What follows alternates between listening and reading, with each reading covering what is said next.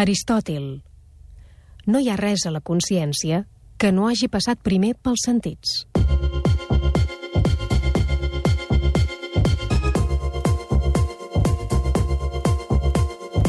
Soc Rafael Vizquerra, director del postgrau en Educació Emocional i Benestar de la Universitat de Barcelona. Carn que creix no pot estar-se quieta. La infància i l'adolescència són les etapes més inquietes de la vida. Necessiten moure's contínuament. Per això, fer-los estar asseguts com un 4 durant hores dins classe és una situació antinatura. L'activitat física és una font de salut i de benestar, tant físic com emocional.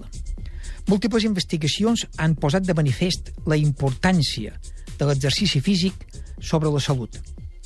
Els beneficis que aporta l'activitat física són múltiples i coneguts de tothom.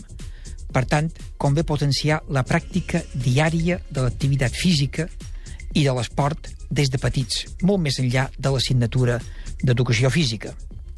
Els dos aspectes essencials de l'estil de vida saludable són activitat física i alimentació. Activitat física inclou exercici estructurat i esport. L'esport ofereix una gran ocasió per treballar la tolerància a la frustració. En tota competició n'hi ha un que guanya i generalment n'hi ha molts que perden. Això vol dir que molts experimentaran frustració. Les frustracions són inevitables en la vida.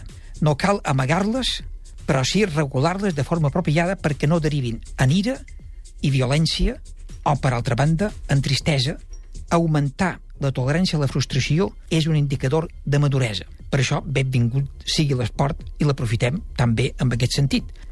Això és particularment preocupant quan se senten expressions violentes en camps de futbol infantils i juvenils, sobretot, a vegades, emesos pels mateixos pares. Potser caldria una educació de grades per ensenyar a les famílies, sobretot en els pares, que l'important és participar i practicar l'activitat física, que perdre de vista la finalitat a vegades ens fa convertir en fanàtics i en treure de lloc la nostra emocionalitat.